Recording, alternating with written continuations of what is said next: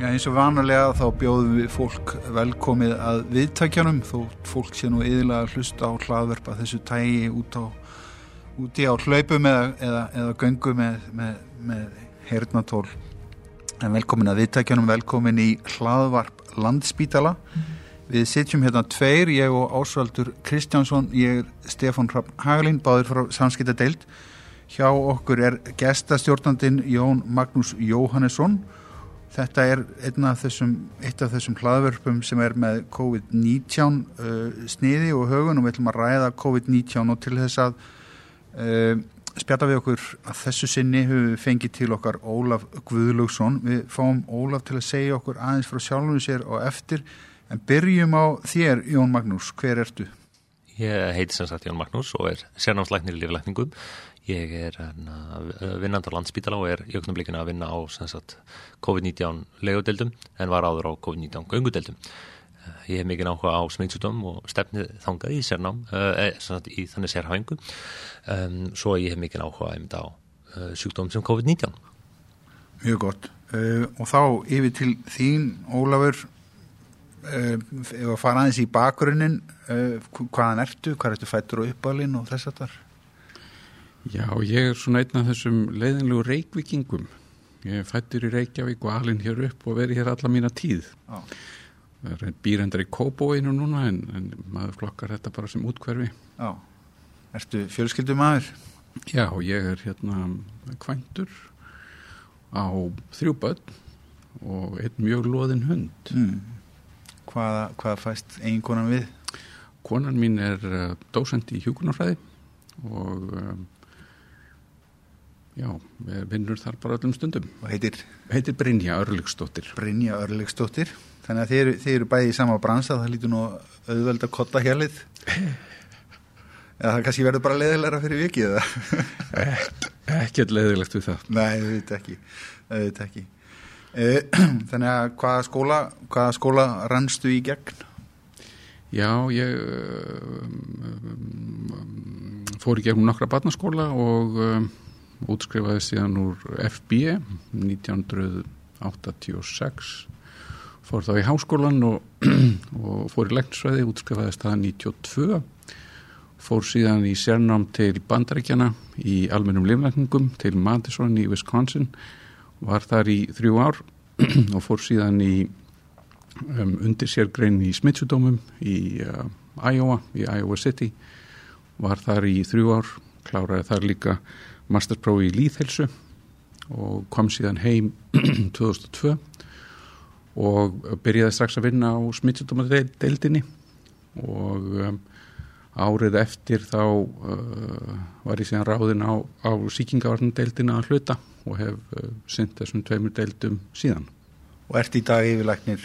Ég er yfirleiknir síkingavarnadeildarinnar og búin að vera það frá 2003 og um, hef verið í svona skiptri stöðu þannig ég hef unnið að hluta til á smittsjútum og deildinni til þess að tapa ekki niður þeirri þekkingu og sinna þeim áhuga.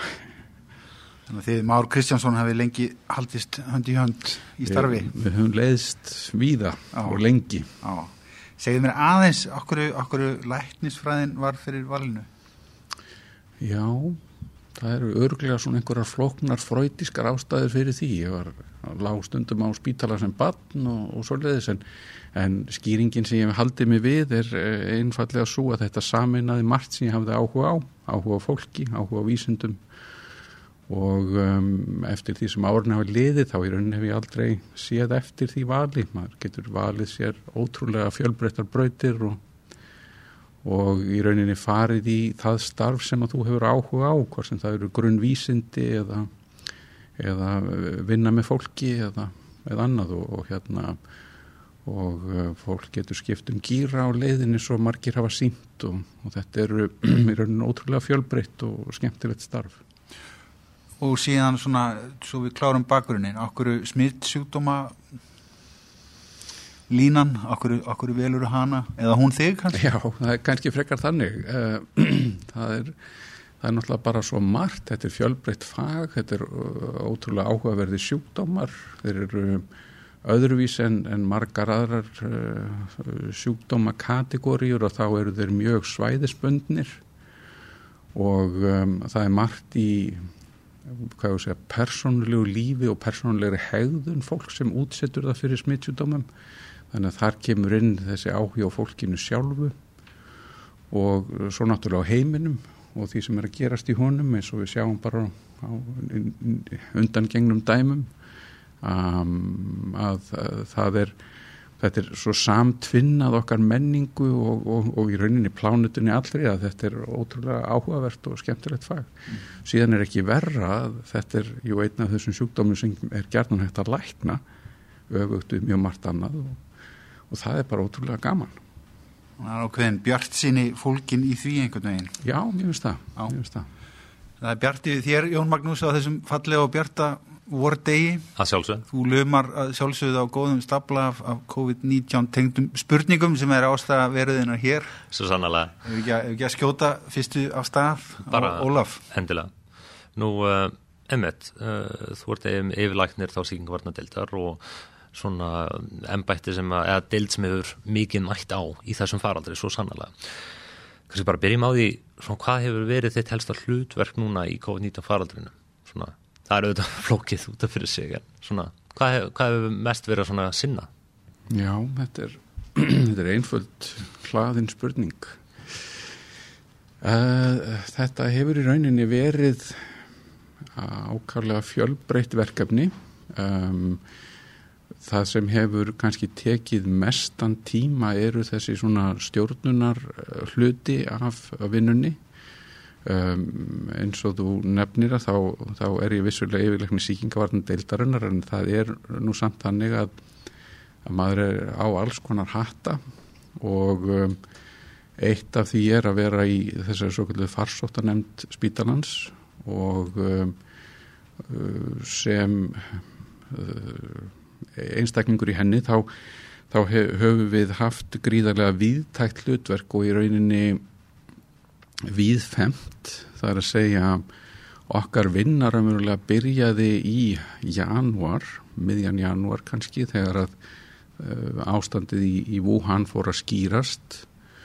Og uh, alveg frá þeim tíma þá höfum við unnið í gríðarlega miklu samstarfi við sótarnar yfirvöld, sótarnar lækni sérstaklega og um, í rauninni fórum við strax að undirbúa okkur fyrir þetta fyrirbæri sem síðan marð uh, COVID.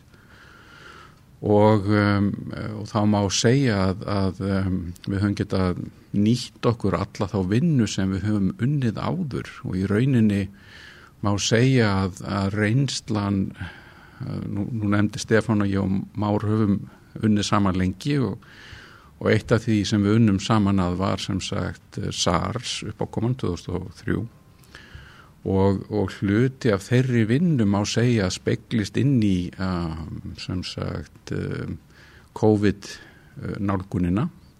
Það er að segja um, til dæmis skipurlagning flæði sjúklinga um, nótkun á, á einingum, undirbúningur eininga og ímislegt uh, fleira og, og í rauninni kannski um margt eins, eins svona hjákáttlegt og það er sömu vandamálu vorum að fást við kannski þó á aðeins annan hátt. Og um, þannig að við sem sagt um, gátum þá nýtt okkur vinnu alveg aftur til 2003 síðan má ekki gleyma því sem að rifi bara upp söguna þess að 2004-05 að þá eh, er farið í heilmikla eh, viðbraðs áallunar vinnu á innan spítalans. Og Magnús Pétursson fórstjóri hafði vegu vandað því. Þar sem að um, farið var úti að undibúa sjúkrahúsið fyrir alls konar vá svona dæmigerð CBRNI nálgun og uh, smittsjútumar voru eitt af því. Og þar var sem sagt útfærið meðan annars þessi stjórnkerfisnálgun sem við höfum svona með smá breytingum stuðst við síðan og, og mikið velt fyrir sér eh, sem sagt húsnæðismálum um, björgum og síðan starfsmönnum. Og þetta er í rauninni þessi stóru flokkar sem við höfum verið að vinna með allar götur síðan og um, þetta var síðan tekið upp aftur þegar að fugglaflensan kom upp árið 2006-07 og, þá unnu við mitt líka mikið með sótarnar yfirvöldum og, og þar var meðan annars þessi neyðarlager sótarnarlæknis uh, settur upp sem við erum ennþá að nota uh, bjargir úr.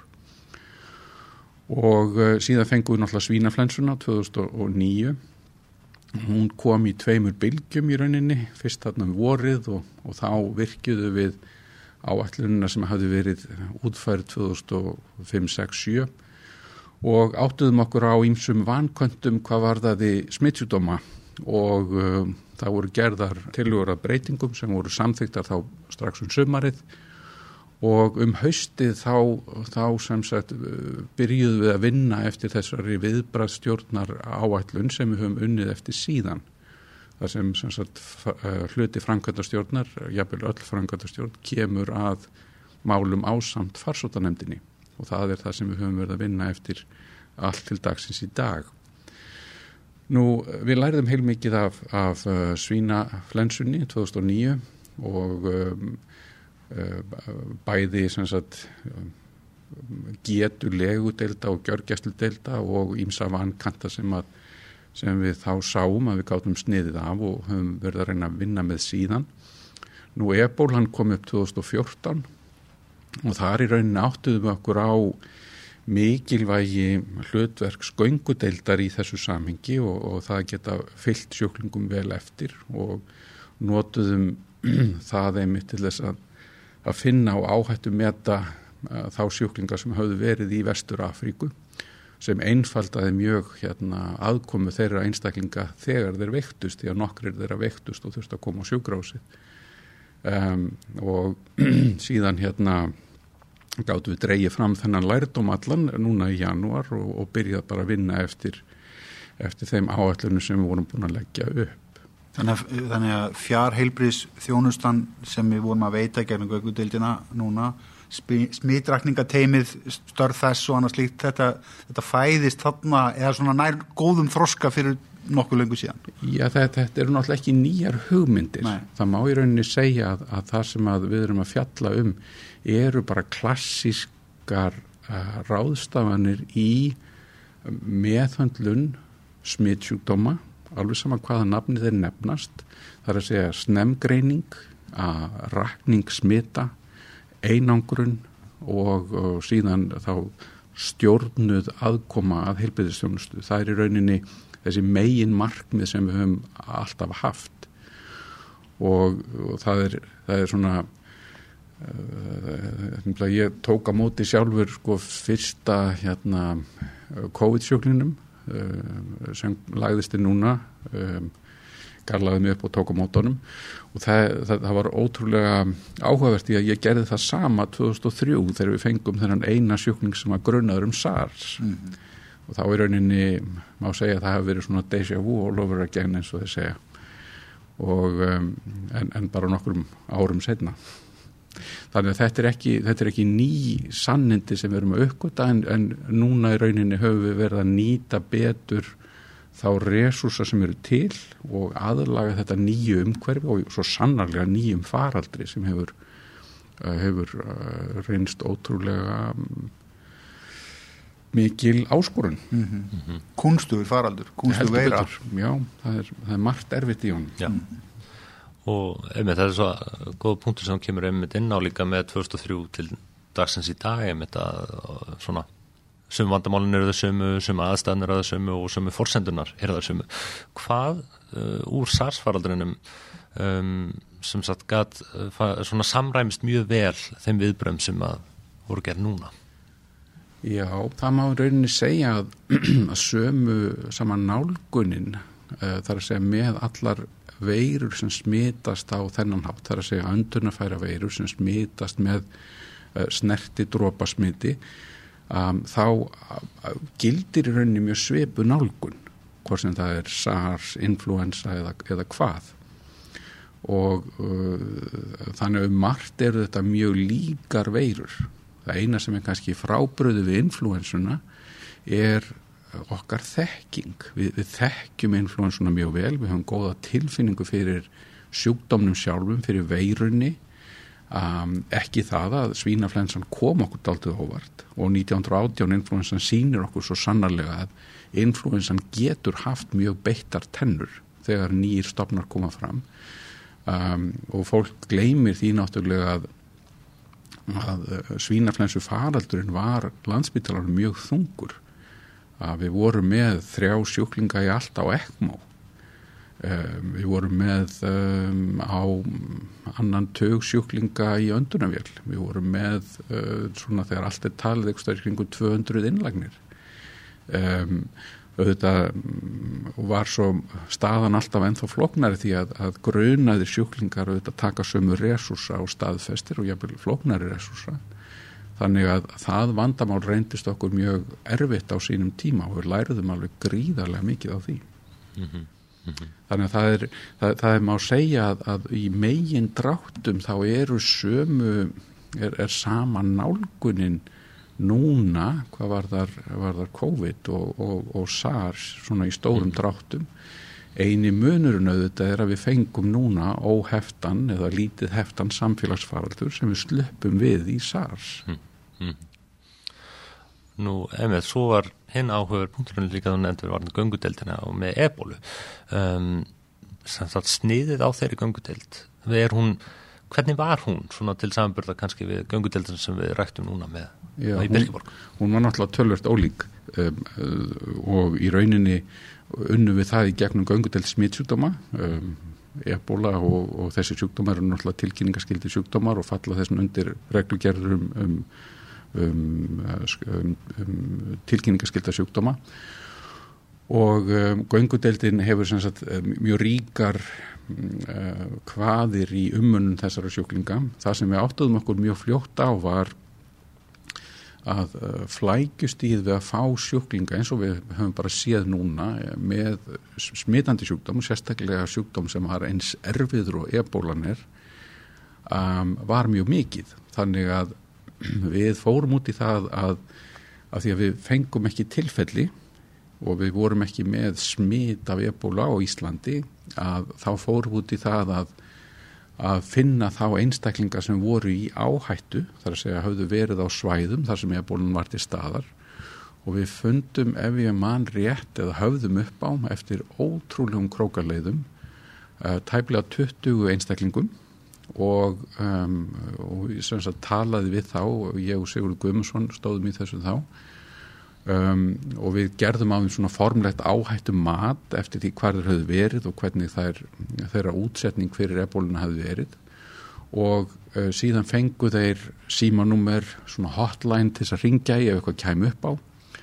Og, um, og ættu alls ekki koma á bráðumáttökuna óvænt heldur, og það, það var einmitt þetta að taka þetta þessi óvæntu móment út úr þeirri innkomu sem breytti svo miklu því að svo gerist það náttúrulega eins og, eins og mjög algengt er með ferðalanga frá Afríku að nokkrir þeirra fengu hýta og, og þá var ekkert þetta aðgreina það frá öðrum einkennum en þá byggum við að því að það var búið að áhættu með þetta þá. Það var búið að gefa þeim semst upplýsingar um hver, hvert er þetta að leita. Og þess vegna gáttu við tekið á beintin og gangu til smittsjúdóma sem við gerðum. Og, um, og þetta var semst mjög, mjög farsæl farsæl laust og það varð okkur strax ljóst í, í rauninni í janúar að við þyrtum að beita svipuðu hérna beita svipuðum aðgerðum EF, því í janúar náttúrulega var ekkert ljóst að við fengjum faraldurinn um, ef að við fengjum tilfelli og, og það var í rauninni strax í upphafi strax bara þegar að fyrstu tilfellin er að greinast sem að við fórum út í um, að hafa samband við fólk uh, tilkýnaðum um greininguna láta þau fá símanúmeri mitt ef eitthvað kæmi upp á og, og fyrstu týjir sjúklingarna voru meðhundlaðir þannig. Mm. Síðan náttúrulega jóks um, eða ógst sem sagt uh, umfangið og þá, þá þurfti að fá gott fólk til þess að taka við verkefninu og þar eins og við vitum hafa, hafa margir tekið og, og, og þroskað verkefnið áfram sem er alveg frábært. Mm -hmm. Mm -hmm og einmitt, eh, eina af afleggingunum einmitt á þessu var annars vegar einmitt frábært síma eftirlit sem að mm -hmm. hefur náðu útrúlega viðtækri uh, eftirliti hjá þessum einstakleikum og svo er þessi gangu til þetta þjónustu á Birkiborg mm, svona varðandi skipulag á göngutildin, þetta var náttúrulega margir sem áttu þátt þar að máli en um, svona hvaða svona hvaða stefnur þurft að hafa til að byggja þá göngudeldu upp og hafðu eitthvað viðmið við einhver aðra þjónust, kannski bara fyrir göngudeldu þjónustuna varandi e-bólu eða var einhver annu fyrirmynd sem að Nei, í, í raunin ekki. Það má eiginlega segja að þetta hafi þroskast svolítið um, eftir bara um, hvernig faraldurinn gekk og, og aðgengi. Þannig að við byrjuðum í, með að sjá fyrir okkur að, að við þyrtum að hafa aðstöð til að taka á móti sjúklingum og það er núna búið að vera í dálitinn tíma í undirbúningi viðbygging við bráðmóttökuna. Um, þannig að stofur 10 og 11 ef ég mann rétt sem á að byggja út í áttuna sjúkrabíla bílastæðinu í norður sem sagt og þar á að vera aðgengi beint utanfrá fyrir, hérna, fyrir sjúklinga inn á einangrunherbergi og um, svo bygging náttúrulega eins og við allir veitum er ekki komin. Þannig að þá þurfti að finna tímabundarlaust og þá var gámur eitt fenginn. Það var eins og er mjög fljótt ljóst að, að einn gámur var ekki nóg þannig að þá fengum við annan. Og uh, hugmyndin var þar að hafa þá uh, sagt, aðstöðu, einangrunnar aðstöðu sem getum tekið á móti sjúklingum í viðunandi einangrunnar aðstöðu fyrir þetta vandamál þar sem fólk geti klætt sér upp uh, á hreinu svæði, farið inn á hreinu svæði og, séð þessa sjúklinga.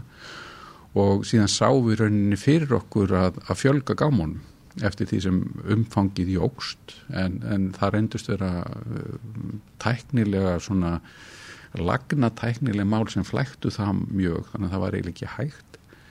Og þá fórum við að skoða fleiri, fleiri staði skoðuðum með annars úr og kín og, og enduðum þarna á Birkiborg og sáum þar ákveðin tækifæri og það var mjög einfalt í framkvæmt þannig að það var hægt að stökka á það og, og í rauninni og aftur sínir bara hversu, hversu svona lausna miðað og einhuga allt starfsfólki hérna var að, að það var hægt að, að ég held ég fari ekki með neitt fleipur það er ótrúlega skrítið hvað, hvað er erfitt að hugsa svona tilbaka því að það er svo margt gerst á stöðnum tíma en, en eins og ég man þetta þá, þá skoðuðu við húsnæðið á, á svona miðugudegi og það var tilbúða mándegi þetta er nú með smá fyrirvörum en, en að minnskosti tók þetta mjög stuttan tíma og þá var búið að setja upp þarna aðstöðu til að taka á móti sjöklingum á, á, á bara mjög stuttan tíma. Mm -hmm, mm -hmm. og na, einmitt þetta þessi eining einmitt Anni Birkiborg var þá einmitt svona gungudelt svona urgent care þjónustæðurinn einmitt fyrir einstaklinga og þá með eiginlega það markmið einmitt að reyna að koma í veg fyrir að fólk fara á bráðmáttökuna óundubúið um, hvernig fannst þér einmitt svona samvinnan einmitt á milli þessari mismönda eininga gangudeldin, legudeldin og bráðumáttukan hvernig fannst þér að ganga? Já þetta er hérna sko markmiði var alveg skýrt. Markmiði var sem sagt að tryggja að sjúklingar með COVID kæmust í mat uh, og, og myndatökur með sem minnst, minnstri fyrirhöfn bæði fyrir stopnun og fyrir þá sjálfa Eh, þar sem þið kæmust í sagt, gott, svona góða heildræna skoðun og, og mat um, um, ef og þegar þyrti. Nú það má segja að, að, hérna, að þessi, þessi uppsetning og, og þetta þessi samvinna það gerist allt mjög rætt. Um, það, eru, það eru allir að, að vinna svona sama marki og ég ætla bara að lega mér að segja að þessi samin hafi gengið mjög vel mm -hmm. Mm -hmm. og ég myndi að flestir upplifaði bara að þetta hafi gengið framar öllum vonum hérna... Já, þetta, ég bara ætla að segja það þetta, mm þetta hefur bara gengið ótrúlega vel og það er eiginlega aldrei sem að maður hefur upplifað svona jafn uh, fókus er að einbeitt lausna með að fólk sem hefur allt unnið að sama marki og þetta er rauninni hefur verið alveg ótrúlega að taka þátt í þessu verkefni mm -hmm.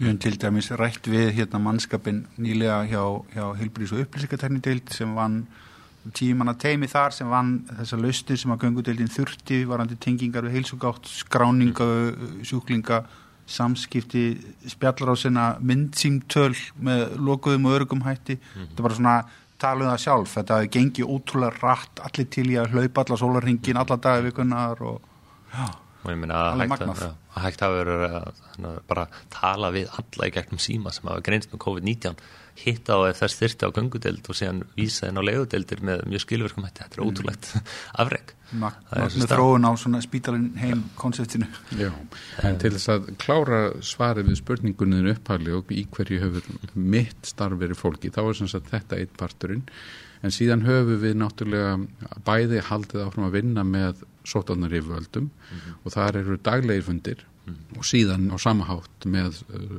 stjórnendum sjúkurásins þar sem við vinnum undir, undir þessum gunnfána viðbraðstjórnar þar sem að farsóttanemdin um, hittir þá um, ekki alla en, en flesta úr framkvæmda stjórn á hverjum degi líka mm. og síðan sagt, uh, fjalla þá farsóttanemdin sjálf um svona uh, lausnir á, á, á þeim vandamálum sem koma upp og, og þarf að leysa bæði frá Frankvæntastjórn og eins frá öllum þeim sem þurfa að láta leysa vandamál tengt þessu, þessu, þessari uppákomu.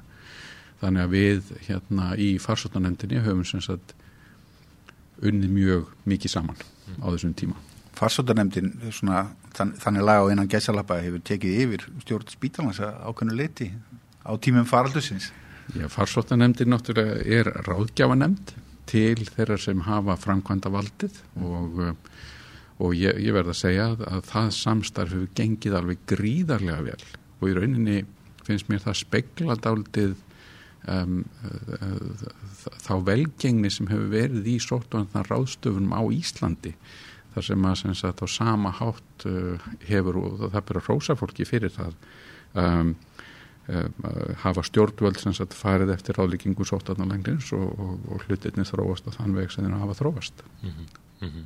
Nökralust alveg órófið tröst frá, bara, frá toppi til boss mm -hmm. Já Svo að einmitt, það voru þá þessi daglega fundur með þá sótarnalækni mm -hmm. uh, þá einmitt -hmm. Skiptir náttúrulega miklu máli vantarlega varðandi alla handringu á sjúkrósinu og síðan, síðan meðal almennings að svona bæin og tröst sé alveg órofið frá toppi og út í hliðana og Já, því það sem er nefnilega svo uh, ábyrrandi í þessu er að það, það, það er engin einn að vinna í þessu. Við erum öll hluti af mjög stóri klukku. Þannig að uh, þetta er sótotnalækni sem er svona hvað ég segja, koordinatorinn. Landsbítalinn gegnir vissulega mjög stóru verkefni, heilsugjæslan gríðarlega stóru. Um og svo er náttúrulega of langt mála að tellja upp alla sem koma að þessu verkefni en, en það er í rauninni öll uh, eh, embætti og alla stopnarnir á Íslandi sem hafa tengst þess á einnið annan hátt mm -hmm. og allir hafa þurft að vinna saman og þetta hefur í rauninni bara verið alveg stórmerkilegt að, að horfa á þessu saminu og taka mm -hmm. þátt í henni mm -hmm. Ótrúlegt í svona við, við þeim verkefni að maður hafa ekki hýrt um neina áreistra svo heiti ég geti Nákvæmlega og við komum einmitt inn á áðan líka að COVID-19 er líka svolítið margslungin flókin sjúkdómur. Og auðvitað er þetta bara eitthvað sem við erum að læra það er stæla bara eitthvað nýtt um. Hvað svona einmitt þegar að gungudelta þjónustan fór af stað og legudeldar uh, sagt, þjónustan líka fór að leggast sjúklingar inn með COVID-19 hvað var svona eitt af því fyrsta sem við vorum að læra sem að svona, við vorum kannski ekkert viðbúin eða koma óvart Já, það, það í rauninni hefur allt komið okkur óvart með hennar sjúkdóm. Ég, ég verði nú eiginlega bara mm -hmm. að segja það sko. Það sem kom eiginlega mest á óvart var þessi óbúðslega hraði gangur.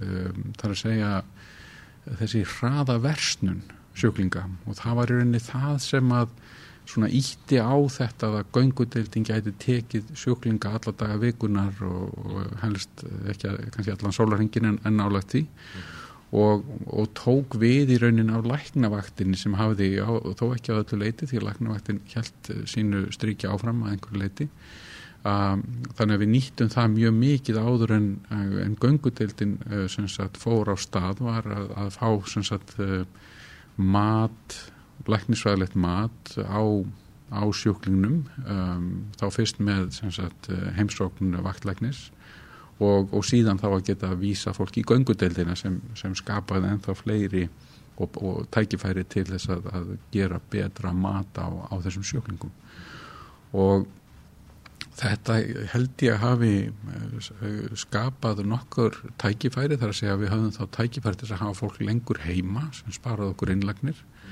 Og við höfum líka þá tækifæri til þess að, að beina fólki strax þegar það fór að versna í það, og þið fyrir við sletti, sletti level of care sem það þurfti. Þannig að að, að, að, að það fór heilmikið að fólki inn á gjörgjastlu deilt og, og hérna og við erum uh, svona menn hlæja nú að tölunum okkar það séu lágar en gleima því jafnframt að við erum í rauninni eina stóra stopnunin sem sinnir þessu og, og, og við erum ekki með neitt backup þegar hlutinni fara að ganga ítla að, að okkur tókst að ná næstum öllum af öndunumvél og það er bara það er bara eitthvað sem þú heyrir ekki um á mjög mörgum öðrum stöðum mm -hmm. Mm -hmm. Það er einnig bara lílegur árangur það er alveg ótrúlegt Já, og heldur mig hún bara að vera mjög stolt af því mm -hmm. Nú höfum við það sem að við höfum verið svonleikja ásláðið með á þessar göngudild meðal annað sem þetta er þá að fá fólki inn og meta stöðuna og sjá hvernig þið metta á uh, hvernig svona þrekið þeirra er hvort þeir falli við súrundins að gungu uh, í súrundinsmettun er þetta eitthvað sem að í rauninni má heimfæra yfir á önnur vandamál sem við getum nýtt okkur setna mér Sko þetta mótælu þetta býður upp á uh, mjög marga kosti og og ég held að við þurfum bara að, að, að núna svona þegar hlutin er á aðeins róast að, að setjast niður og, og sjá hvernig við getum best nýtt okkur þessa reynslu því að eins og ég segi þetta eru þetta er svona þarna eru mörg tækifæri og, og það er margt sem að væri hægt að heimfara þetta undir og við þurfum eiginlega bara að sjá hvernig það rýmar best við þá þjónustu sem við veitum mm. Og Við komum svá inn á einmitt áður varandi einmitt farsöndu nefndina og samspil við framkvæmstjórnina og skipula einmitt á deildunum. Svona varðandi aðstöðu sem spítalinn hefur varðandi móttökuð þessar sjúklinga finnst þér að þetta hafa gengið bara, að, finnst þér þetta vera nóg eða finnst þér samt eitthvað vantu upp á varðandi aðbúnað okkar? Þa, það, það er ástæði fyrir því við erum að byggja nýjan spítala. Við skulum, skulum orðaða þannig. Um, Já, það, það sko byggingarnar okkar eru elstar frá 1900 ég man ekki lengur ártalið eitthvað, 1910, 20 20 eitthvað. Og hannaðar á þeim tíma semst og byggðar aðeins setna og, og beraðu þetta eh, þess merki Um, þannig að fjölbíli uh, það að deila salernum þykir eðlilegt uh, í þeim byggingu sem við höfum sem auðvitað er eitthvað sem við höfum ekki áhuga á í dag. Þannig að það er mjög margt í, í okkar spítala umhverju sem við, við getum bætt og, um, uh, og, og það eru uh, það er lærdomur í þessum faraldri gagvart nýjum spítala sem við þurfum að fara með áfram vissulega eru allt einbíli á nýjum spítala og það er frábært. Það er það sem við þurfum um, með sér sarleitni uh, mikið af einangrunarstofum en, en aðkomuna þurfum við að held ég að hugsa aðeins betur. Og í dag sagt hefur ansi mikið af viðbröðum gengið út á það að þróa einhvers konar lausnir um, að þessum vandamálum. Þar að segja finna hvernig við getum komið sjúklingum beint inn af gödunni, inn á einangrunarstofur og inn á legudeilt og þetta náttúrulega hefur reynst ansi flókið mm -hmm. og, um, og þessar lausni sem við höfum þróað þetta er auðvitað bara ein nálgun að þessu vandamáli og það hefur verið að leysa þetta margan annan hátt en, en þessi leið var einföldust, mm -hmm. fljótlegust og var í bóði sem við, sem við síðan stökkum á.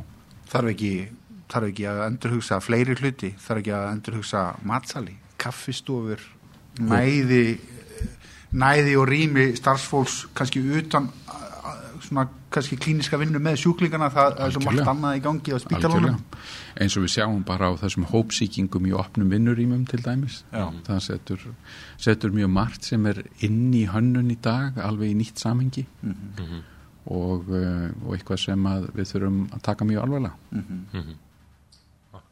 ég menna það er ekki talað um bara menn hafa verið svolítið óhugað með það og það getur vel verið að menn hleypi á stað samkomum á stærðinni 100, 500, 2000 hvað sem er sko en áfram þurfum við að gæta að tökjameldarreglunni sem setur bara svona allt í uppnám í öllu vinnuumhverfi allir viðburðir og óvitað í augnablíkinu að því við vitum ekki hvernig faraldurinn þróast hversu lengi þessar ástafanir þurfa að halda. Algjörlega. Getur verið 6, 12, 18, 24 hvað sem er eða til framtíðar. Já, það er þetta eru nefnilega ótrúlega áhugaverðar pælingar um, um framtíð þessa vandamáls en, en, en, en já, við erum, við erum klárlega að horfa á hættu tíma næsta hálfu árið. Já. mögulega tölvöld lengur. Mm -hmm. það er svona aðeins eftir hvernig vísindin þróast. Fram yfir árum og jafnvel fram á mitt næsta ár Ég, ég hef aldrei unnið í lottóinu og er ekki Nei. góðu spámaður en, en það sem maður auðvitað sér fyrir sér er, er sem sagt uh, eins og hefur verið talað um ákveðin hættu tímabil núna næstu vikurnar og síðan auðvitað verður sömarið og haustið sérstaklega.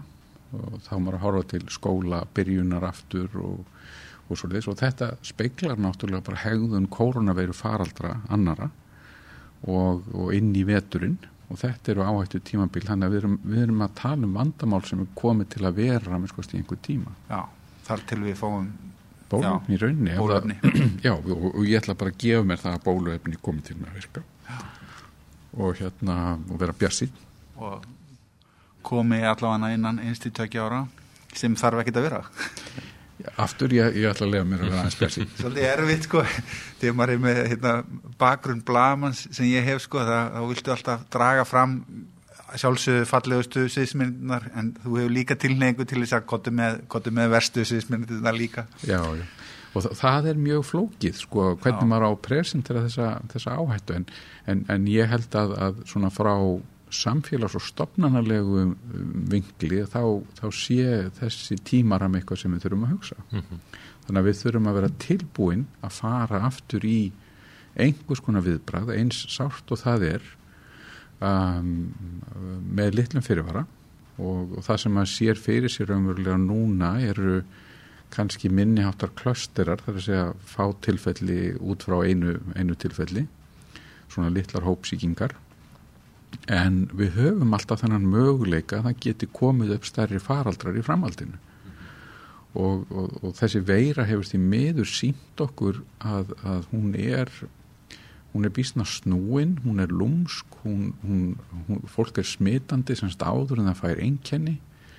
Og sömur verða mjög lítið veikir en geta greinlega smitað. Og það flækir málið mjög frá síkingavörnum þess vegna eru þessar reglur um, um, um hérna, fjarlægð og handrensun og, og skinnsemi, má ekki gleyma skinnsemi hún er, hún er líklega öflugasta síkingavörnin sem við höfum. Að vera á varðbergi og passa sig og koma sér ekki í aðstæður þar sem maður getur lengt í uh, þröngu nábíli við einhverja veika. Og svo þessi virðing fyrir veikindunum þar að segja mæta ekki vinnuna veikur eins og, eins og, eins og velþægt er að, að margir gera og, um, og já og það þarf fremst að, að, að koma fram við það meiri virðingu og tillitsemi við, við, við samstagsfélag mm -hmm. Hvað með hérna hvað með svona hluti út í samfélaginu á borð við sem græðast mikillar nándar eins og, eins og boltaleikir og annars líkt. Hvena, hvena myndið þú sjálfur fara og taka þátt í, í, í knaspunuleik eða, eða, eða handboltaleik? Myndur þú gera það í sumar eða næsta höst eða já, þegar bólefnið er komið Stefán Rapp þá skal ég kíkja á það. Hvað, hvað ertu?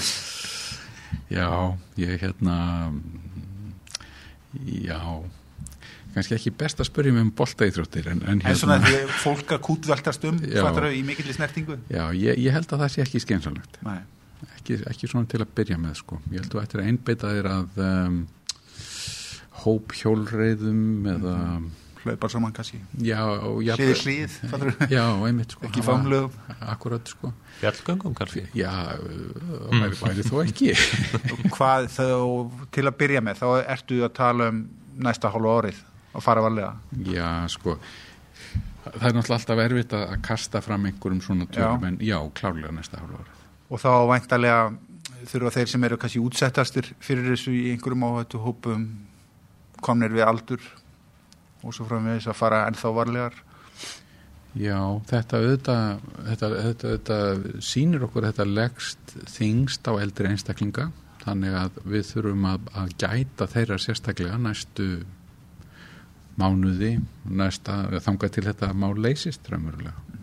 Hafa, hvernig er það, hafa, eru eins og menn höfðu áhugir af lúnasjúklingar og erir öndun að færa, hafa þeir verið jafn, reynst jafn útsetti fyrir þessu eins og óttast var eða? Sko það, það er náttúrulega þannig að smittsjúdómur þarf tvent. Þú þarf sem sagt að vera útsettu fyrir veirunni og þú þarf að smittast. Mm.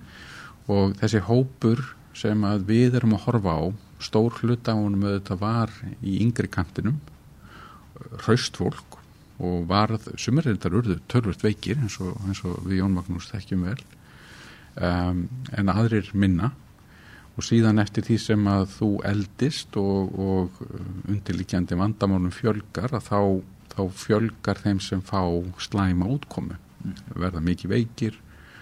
Mm, þá eru góð dæmi um það að fólk hafi sloppið bísna vel þó að það sé eldra með undirlikjandi vandamál.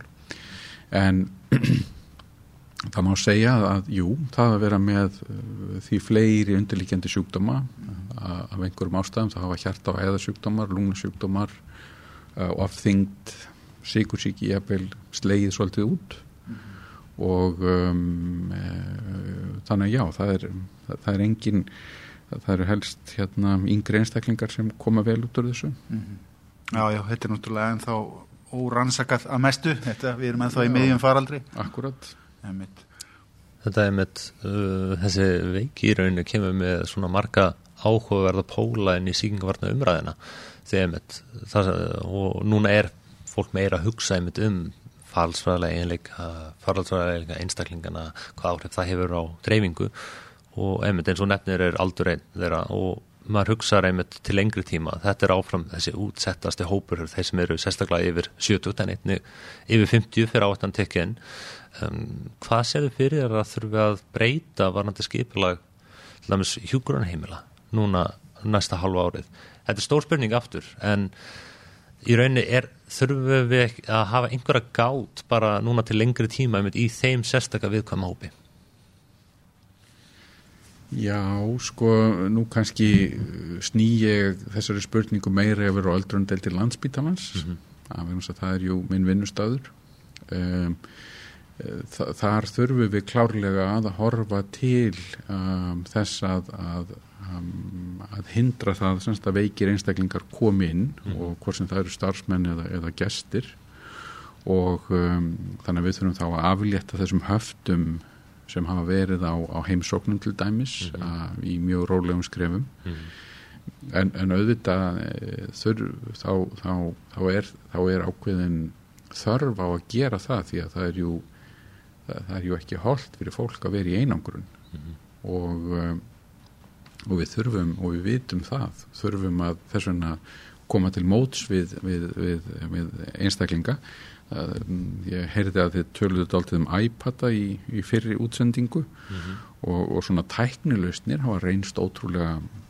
áhugaverðar í þessu mhm. samingi og, og, og geta hjálpað við laust þessara vandamála að, einhver, að, að einhverju litlu leiti að minnstakosti þó ekki auðvitað komi í staðin fyrir fyrir hérna alvöru alvöru hitting mm. og, og hérna að þá, þá hefur verið hægt að, að, svona kannski slá á einhverja þörf með, með, um, með uh, svona rafrænum samskiptabúnaði mm. og, og það er klálega eitthvað sem við þurfum að skoða áfram og um, já og þá að hjálpa uh, eldri einstaklingum að nota þá tækni mm -hmm. Þetta hefur svo víttak samfélagslega áhrif þessi uh, faraldur það er bara svona því við vorum að ræða um þessa boltalegi aðan sko að komi upp smitt í hópi sem er í kringu knattleik þar eru já, bara starfsfólk og leikmenn í kringum fókboltaleik það er svona 40-50 manns. Þannig að þó þessi kannski ekki mikil áhætt að leikmaður smiti marga aðra þá þarf þetta að fara í sótkvíðra þannig að getur þá enginn tekið þátt í einhverjum leikum í einhvern ákveðin tíma nefn hann sé tilbúin að taka áhutuna því að fara í tvekja vegna sótkjöðu öttir sko. og svo kemur þetta líka inn á hluti eins og ábyrð starfsfólks og ábyrð atvinnuveitenda hérna ef að starfsmæður viljandi útsettu sig fyrir það að fara mjög líklega í tvekja vegna sótkví eftir einhvern knattleik hérna hvar, hvar er ábyrðin þá alls konar svona vinnumála tengdir hlutir, áhugaverðir vinklar í þessu einmitt fyrir utan faraldusfræðin og svo. Já, þetta hefur reynst verið alveg ótrúlega flóki mál. Já, viðtakt. Ok, Jón Magnús fyrir ekki auðvitað í trúblæði. Nei, þá einmitt komum við svolítið á öðrum áhugaverðu vinkli bara þess að koronavirur og síkinguvarnir að fyrir svona stóri faraldur út hættunum koronavirum, SARS og MERS sem voru þá 2002 til 4 og 2012 og áfram. Þeir hafa engenst gætnan af faraldurum innan hilbriði stopnana eða innan svona uh, heilberst hengdrastofnana og það var um tíma og er vissulega hluti til á það við um COVID-19 líka um, hvernig hefur þetta þróast bæði svona heimsísa og þá sérstaklega hér? Er einhver munur hér á byrtingambitinu með annar staðar? Já.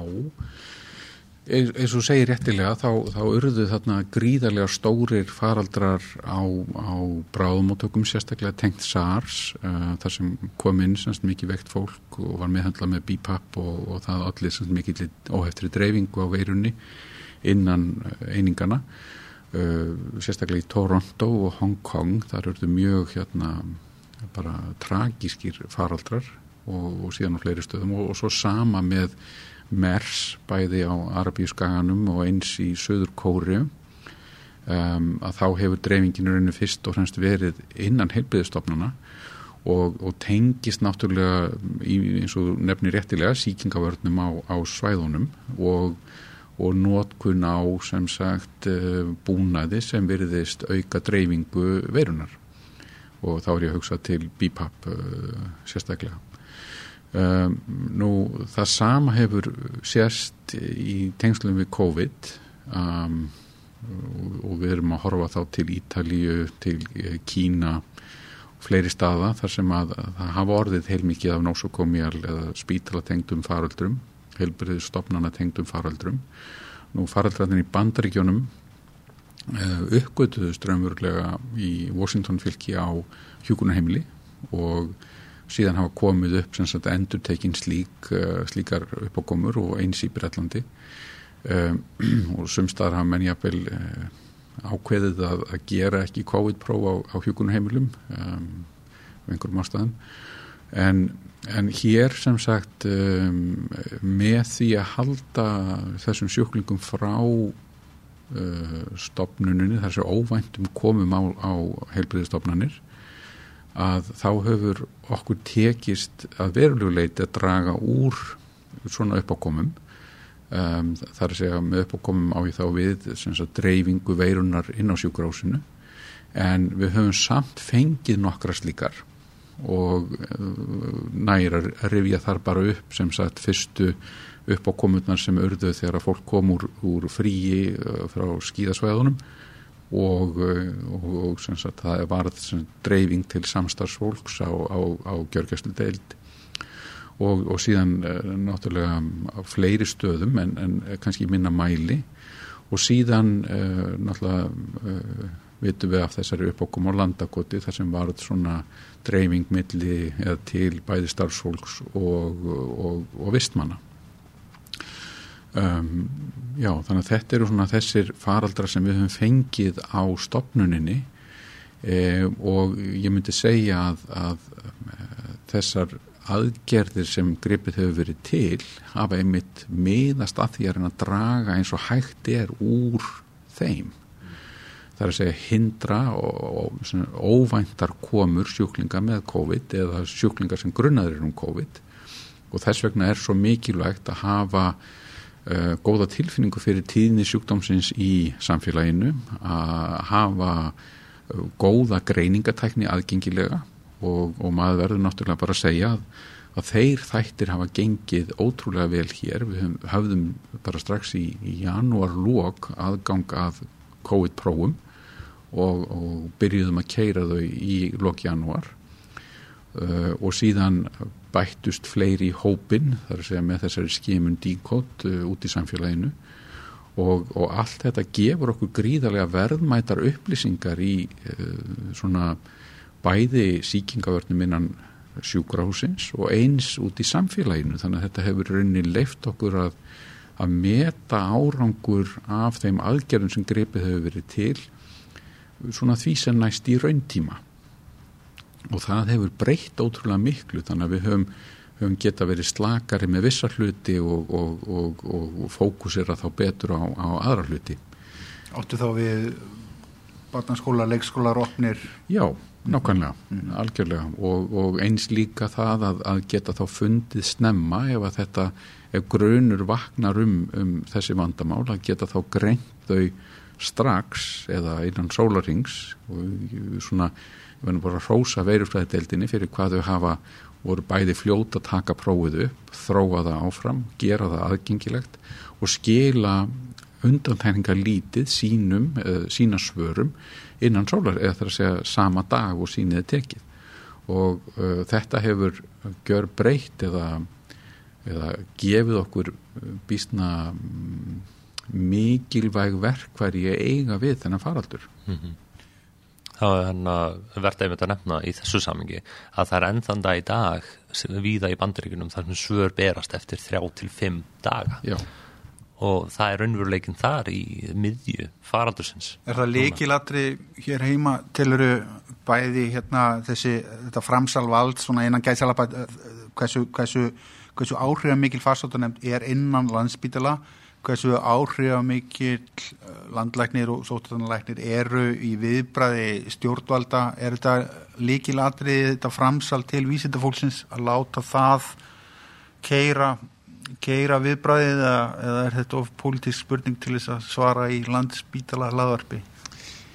Ég, ég, ég, myndi svara þessu tannig að, að veirudeldin hafi sínt okkur það hversu mikilvægt það er að hafa gott fagfólk sem að getur tekið upp nýgreiningapróf með stöttum fyrirvara, þróa þau áfram og tilenga sér þau og komið á vinnuflæði sem að gagnast klínikinni á, í í byrjunfaraldurs og geta haldið dampi í vinslu sína allan tíman og um, já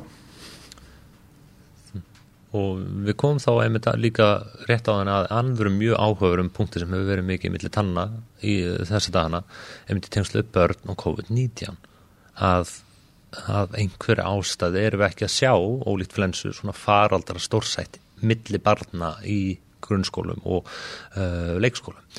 Uh, er þetta raunveruleikin erum við að missa af einhverju? Og hvað gæti mögulega verða að nabaki? Já sko hegðun faraldursins í samfélaginu segir okkur það að það er ekki um, smitt lind til staðar sem er að dreifa óheft veirunni út í samfélagið. Uh, við höfum náttúrulega þessar tölur um mælingar hjá börnum sem að hafa komið fram og ég get ekki haft eftir hér en af þeim börnum sem hafa verið prófuð þá eru sára fá sem hafa greinst með sjúkdóminn. En, en svo náttúrulega ekki síður að, að, að þessi börn eiga fóreldra þau eiga aðstandendur aðra sem að um, hafa þá ekki sínt að þeir eru að veikjast af einhverju einhverju hárri tíðni eða herri tíðni heldur mann hefði búist við ef að börnin væri óheft dreifingarstöð. Þannig að nei þetta er bara eitt af þessum uh, skringileg heitum við þessa veiru mm -hmm. og við hljóttum þetta að glæðast yfir því að börnin okkar veikist ekki að hefa af þessu Frábært sko, alveg og óvænt einmitt með það sem við vanlega séð með veirur. Algjörlega bæði aðrar koronavirur og, og mm. influensunum mm. Og þau dreifinni líka síður? Já, það verðist vera mm -hmm. Um, Og þá komum við kannski að mynda hinum pólunum síðan sem er þeir sem að dreifa mjög mikið. Náttúrulega með flestar veirusíkingar og bara síkingar yfir höfuð eru þetta sumir sem er meira smittandi en aðrir. En það hefur oft við, loðað við koronavirunar að tala um þessa super spreaders eða ofur dreifara uh, og það sást bæði SARS og MERS. En er það sjást með COVID-19 og skiptir það máli í dreifing svona stóra saminginu? Já, uh, það bæði sérst og skiptir máli. Um, það eru, eru fræg dæmi þarna skíðasvæðum í Fraklandi og, og, og mun fleiri stöðum innan, innan stopnana og, og hérna bæði hérlendis og annar staðar að, að fólk dreifir þessu mjög mismikið. Um, bara minna á að, að við erum með fjölskyldur sem eru mjög nánar þar sem að bara einn aðili veiktist og hinnir aðilatni voru prófaður endur tekið og greindust aldrei með veruna og veiktust aldrei. Og við erum svo með hitt hinn á afgana þar sem að sem sagt, allir í kringum viðkomandi hafa smittast og um, þannig að þetta er mjög vel þekkt og ég hef svo sem sjálfur vilja kalla þetta frekar super spreading events eða ofur dreifingar upp á komur frekar heldur en að vera að kenna einstaklingum um þetta þar sem þetta er nú oft uh, samspil margra þáttar en það er alveg greinlegt að sumir einstaklingar geta orðin mjög smittandi mm -hmm. Mm -hmm. Og, og við vissar aðstæður og þá Er það samsetning þeirra fyrir mig sem leikmann? Er það samsetning fólksins? Bara genasamsetning og hvað hérna? Já, þetta, þetta náttúrulega er alltaf í grunninn samspil lífverunar sem er síkt og Já. samspil uh, við þá lífverunar sem er að síkja og ég ætla að kalla veruna lífveru um, þannig að, að, að við einhverjar aðstæður, hvort sem það er þá magnveirunar sem myndast um, í viðkomandi, í viðkomandi. það getur verið hvar hún myndast, það getur verið aðstæðunar sem viðkomandi er í akkurat þegar hann er mest smitandi, fær hann mjög mikinn hósta uh, þarf að sinna, þarf hann öndurinn aðstöð þarf hann bípapp til dæmis. Bípappvélarnar eru, eru vel þekktar af því að dreifa þessu mjög vel. Mm -hmm. og svo hegður viðkomandi vantala félagslegar aðstæður Já, já, þess vegna er þetta meira atbörður heldur en einstaklingur þannig að þetta er svona samspil af mörgum flóknum þáttum og ertu statur á bar eða handknallisleik eða hvernig það er? Já, eða vinnur og flöyt bar í Östuríki Þetta er auðvitað góð punktur einmitt því að þetta er bara að vera réttur einstaklingur réttum stað réttum tíma frekar en að vera eða rangur einstaklingur og röngum stað og röngum tíma. Nákvæmlega. Nú, uh, einmitt það hefur verið lögð mikil áslöðu að verja heilbríðstarfsfólka bara mjög markþættum ástæðum. Því að ekki bara er þetta verðmætt uh, starfsfólk bara í þessum tímum hluta vinnuvend, uh, hluta því að líka komið vekk fyrir dreifingu áfram til sjúklinga en síðan hefur líka sprott upp umræðum um mögulegan meiri alvarleika sjúkdóms í helbriðstarfsfólki. Um, hefur það uh, svona skýrst eitthvað? Er það raunin eða, eða ekki? Ég held að helbriðstarfsfólk sé bara sama spektrið og allir aðrir. Mm. Um, þetta getur stundu verið spurningum veirum magn það er að segja útsetningin og fáir hærra svo kallað inokulum load og mm. getur fengið sagt, meira veirunni í þig um, grunar að það sé kannski helst það sem að hérna, skýr eitthvað slíkt mm. en nei, ég, ég hef ekki hérna, ekki séninar endanlega skýring á því. Og nú farsóttu nefndið mitt hafði bara mjög mikið að gera á meðal annars varðandi skipulag þá einmitt uh, leguteldana og gjörgæslunar varðandi hvernig uh, haga eitt í síkingavörnum þar. Uh, hvaða svona já, hvaða erfileikar voru í þeirri skipulagningu og svona hvað skýrði að hluta til einmitt mismunandi útfærslur og mismunandi stöðum Já, farsóttanemndir náttúrulega hafiði gríðarlega mörgverkefni og, og eins og þú segir eitt af því var svona að reyna að hafa skoðun á, á hvernig flæði sjúklinga væri best háttað. Nú, delta A7 er náttúrulega augljós fyrsti kostur því að það eru fimm ágætis einangrunarherbergi sem eru með loftstýrðu flæði og, og fordyri og það voru þau sem voru notuð fyrst. Uh, síðan þurfti að stækka eininguna og þá, þá var í rauninni notuð uh, útfæsla sem að hafi verið hugsuð uh, í SARS uppákomunni 2003 þar sem að fordýri var sett fremst á eininguna til þess að breyta í rauninni allri deildin í einanguna deild Um, það eru hins vegar ekki alveg hægt að hafa alla sjúklinga á, á sama svæðinu vegna þess að sumir eru grunnaðir, það eru staðfestir og svo framveist þannig að það þarf að vera mismunandi aðstæði fyrir mismunandi sjúklinga. Og þess vegna var A6 sett upp eins og hún var þannig að hún gæti semst tekið á móti líka grunnuðum sjúklingum um, sem þurfa þá að vera sér, vera þá aðskildir frá öllum öðrum. Og um, og þessar útfæslur er í rauninni útfærðar með deildunum á hverjum tíma og, og síðan semst er farið yfir hvað virkar og hverju þarf að breyta og svo framins. Þannig að, að þetta er uh, svona, uh, hvað var að segja, hugmyndavinnan er kannski hjá, hjá farsóttanemdini að, að verlu leiti og síðan er útfæslan þá unnin í samvinnu við deildinnar mm. á hverjum tíma. Mm. Og auðvitað var á þessum tíma mjög svört spá um mögulegar innlagnir. Þannig að það var þurft að vinna hratt og undibúa sig fyrir mjög stóran kúf sem að við öll gleðjumst yfir að koma ekki. En, en þurftum að geta staðið skil á ef hann, hann eh, materialiseraðist mm -hmm. Og þá einmitt var skiplaðið svona fyrst og fremst með af þessum snerti dróparsmittum og úðasmittspælingum sem ákomið upp í tengslu við COVID-19 einn smitleið sem hefur svolítið verið umdeild og ekki bara í tengslu COVID-19 hættur aðra korunverur var svona uh, fekal oral smitt eða hana, saur munnsmitt sem að þá er að hana, vera skilst út um saur mm. og það er séðan í meldingavend aftur til okkar um, hefur það verið eitthvað sem að við þurfum að huga að til lengri tíma varandi þess að vera Já, sko almennt náttúrulega þá, þá verðist smittleiðin vera snerti drópasmitt og alltaf þegar við erum með snerti drópasmitt þá, þá auðvitað er drópasmitt ekki bara alveg klift og skorið heldur við vissar aðstæður getur myndast úði eins og við höfum rætt uh, intubasjónir og fleira og jafnvel undir öðrum kringustöðum og það er í rauninni ástæðan fyrir því að, að, að það var ákveð að nota ekki skurstofmaska uh, í þessum faraldri er þessi, þessi pæling með, með mögulegan úða undir vissum kringustöðum og þess vegna var farið í rauninni alveg einu skrefi ofar í, í hlýðarbúnaði fyrir starfsfólk. Og, og við höfum verið svo farsælað að það er í rauninni engin starfsmæður sem er með staðfest smitt tengt vinnu og, og, og það er bara gjör ólíkt með að við bæði Kína og Bandaríkin þar sem að 10 og 30% af, af sjóklingunum hafa verið heilbriðstarfsmenn mm.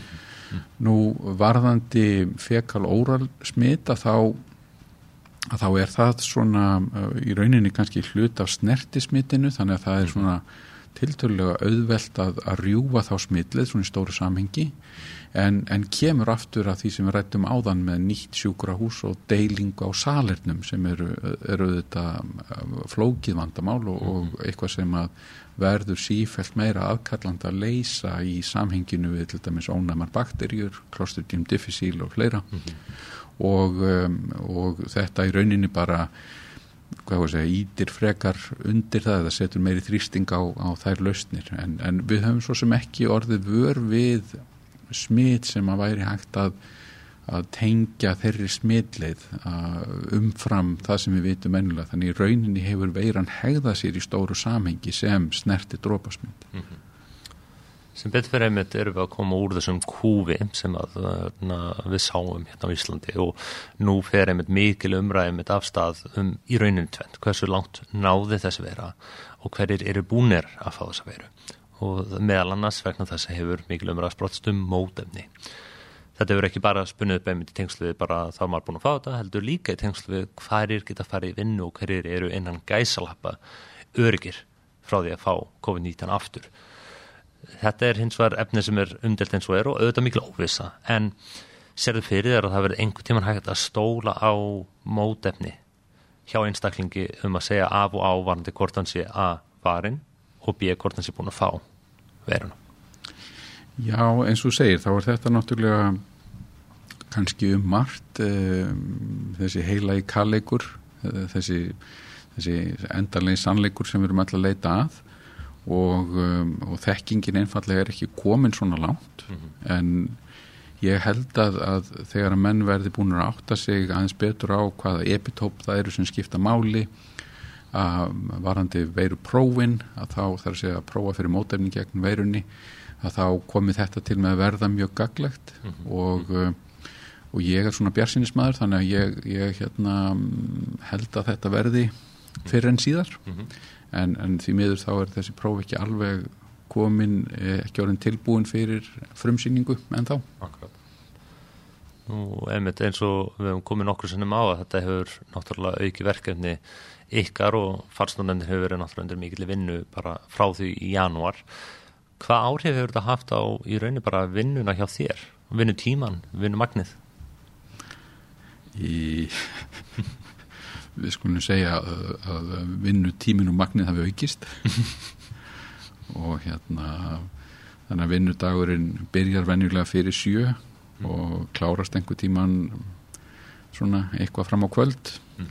þegar þetta var verst þá var, þá var maður svona framöndi miðnætti vennilega alla daga mm. en, en nú sem betur fyrir hefur þetta e, finnum við alveg fyrir því að, að, að, að þetta hefur aðeins breyst, aðeins mingað mm. Og, um, og maður er fann að sjá fjölskyldunum sína meira sem er, ég er mjónað með Gleðefni Gleðefni Já, það er svona að lókum bara því að að þetta er eitthvað sem allir eru að hugsa um í auknum blikinu, svona varðandi framtíðina. Það er, ekki, það er svona væntalegt að við munum einmitt fá þess að klasa. Mm. En serðu fyrir þér að þetta verði með svona ástíðabundnum sniði eða kannski frekar einmitt að þetta verði litlir klasa nokkuð samfelt yfir næsta hálfu árið? Já, þetta er, þetta er auðvitað miljón dólar spurningin og, og spurðu mig aftur eftir tvö ár, þá er ég komið gott svar. En, en svona öllu grínisleftu þá hérna, þá sé ég fyrir mér að næstu mánuði verðum við að fást við svona hópsíkingar, klostera og uh, síðan hérna fer þetta eftir daldið hegðun faraldursins í nágrenni við okkur, þar sé að þeim löndum sem við eigum samskipti við, ferðarlögum og þess að hvernig við högum því hvort að við eigum á hættu að fá faraldra. Því við meðum ekki gleyma því að, að um, við erum viðkvæm fyrir samskonar uppákomu varði vetur. Þar að segja að það geti komið um, upp stærri faraldrar, minniða stærri faraldrar aftur. Og um, meðan að hjarða ónæmi er ekki, ekki komið að þá, þá eru við bísna óvarin fyrir því og þurfum að vera bæði vakandi fyrir því. Og það er þar sem uh, skimunin síðan nefndi á þann er svo mikilvæg. Það að vera á tánum gagvart þessu verkefni, halda áfram skimun út í samfélaginu og hafa þetta sem mismunagreiningu hjá sjúklingum með hýta uh, það er eins og mjög mikilvægt að, að, að gleima ekki öðrum sjúkdómum og og hérna og hugsa um aðra hluti heldur um COVID líka eins og, eins og við hefum bara séð. Um, þannig að, að þetta bara bætist á vandamál og listan fyrir okkur að fást við. Og, um, og síðan þurfum við þetta bara að sjá hvernig hérna hvernig framaldi verður. Um, mm. Ég get sé fyrir mér uh, ástíðabundnar uh, faraldra, ég sæ kannski síður fyrir mér svona að þetta myndi takmarkast við klöstera svona til að byrja með, það getur orðið mm -hmm. síðar en, mm -hmm. en hérna til að byrja með þá þá, þá er þetta náttúrulega allt opið bara -hmm. Við sjáum það frá 28. februar, ég er með tölfræði út af þessu ekki alveg í haustum en ég með hana í höndunum að fjöldi innlagna á gjörgæslu frá 28. februar er 177 og það er að veru 27 vegna COVID sko. Mm -hmm. Þannig að það má rétt ímynda sér hérna hversu, hversu hörð starfseminn áfram er á landsbítala á öllum sviðum sko. Mm -hmm. Nákvæmlega. Mm -hmm. Og þetta er sem sagt í því samhengi að öllum valkvæðum aðgerðum sem kalla á gjörgjastlulegur hefur verið hægt mm -hmm. Mm -hmm. þannig að við sjáum í rauninni þarna eru bráða tilfelli og, og sagt, eh, COVID-síkingar sem, sem eru ráðandi. Og þetta er auðvitað með þeim ingreppum sem við beittum í samfélag Já, nákvæmlega, nákvæmlega. Svo að loka lokurspönding uh, þurfum við að hafa einhver ágjur af því að við berum veiruna áfram til dýra og þau bera það síðan aftur til okkar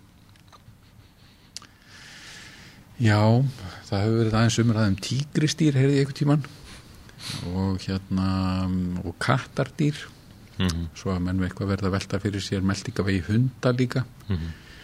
e, aftur maður sér ekki í faraldsfræði veirunar að minnst að kosta á Íslandi að það sé einhver dölin lind mm. sem er að, að matla og dreifa veirunni til manna mm -hmm. hingað og þangað, það sem spretti upp svona litlir klasterar eða litlar hópsíkingar mm. um, þannig að ég hef ekki sérstakar áhyggjur að minnst af íslenskum dýrum Nei, flott Getum andaléttar Ekki með þetta hundurum minn gerir það. Já, ekki mikið en það að tígristýr séu haldin hérna sem hústýr. Oftast ekki. Í bandaríkunum er það það ágætlega stórt mál. eins og það. nýlegir heimildarþættir á Netflix. Í fleiri tígristýr í haldi í bandaríkjunum sem, sem, sem hérna gæludýr heldur en eru á vapi út í náttúrunni. Jú. Þetta er svona eitt af þessum ángríns momentum. Þetta er raunverulega tölurnar eru þannig. Þetta er gott. En ég held að þetta, uh, þessi ráð frá sóttvarnarlækni að maður er ekki að klappa tígristýrum séu eigi alltaf við. Bara haldið þeim áfram hérna í Íslandi. Já, á þessum nótum þá segjum við þetta gott. Um, Ólaður Guðlusson yfirleiknir hefur setið hjá okkur, já, hvað, í hartnær einn og halvan tíma og spjalla við okkur Jón Magnús um COVID-19 ráðstafanir, undirbúning og starfsemi landsbytala í kringum COVID-19. Uh, takk kærlega fyrir komuna herrar mínir við ásattu Kristjánsson þakkum fyrir okkur Takk. Takk svo leiðis.